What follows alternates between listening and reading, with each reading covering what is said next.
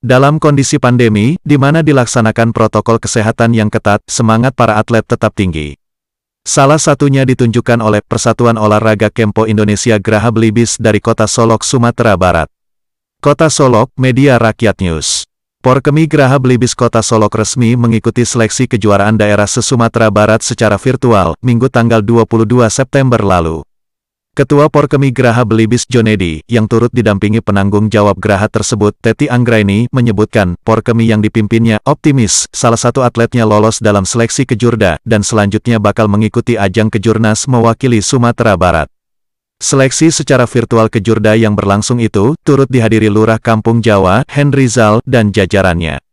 Seleksi virtual kejurda sesumbar tersebut dilaksanakan dalam rangka seleksi ajang mewakili Sumatera Barat ke ajang tingkat nasional yang akan digelar bulan November mendatang. Junaidi mengatakan, keyakinan lolos salah satu atletnya cukup beralasan. Karena dalam seleksi virtual kejurda ini, Porkemi Belibis menurunkan salah satu atlet kebanggaan Sumatera Barat yang sebelumnya pernah menggoreskan prestasi terbaik di tingkat nasional dengan membawa pulang medali emas.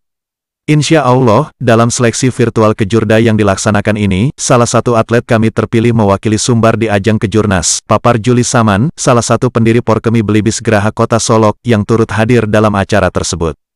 Ditambahkan Juli Saman, meski baru dua tahun ini berdiri, terbilang usia masih seumur jagung, tapi, semangat organisasi Porkemi Belibis dalam melahirkan atlet berprestasi, dalam cabang olahraga Kempo, didukung dengan kedisiplinan atletnya berlatih, cukup memuaskan. Dia berharap atlet kebanggaan Porkemi Belibis dari kota Solok, kembali mengharumkan nama kota Solok khususnya, dan Sumatera Barat nantinya. Dari kota Solok, Okiat Hadi melaporkan untuk Indonesia. Dan jangan lupa untuk terus update berita terbaru, di www.rakyatnews.media, dari, oleh dan untuk rakyat.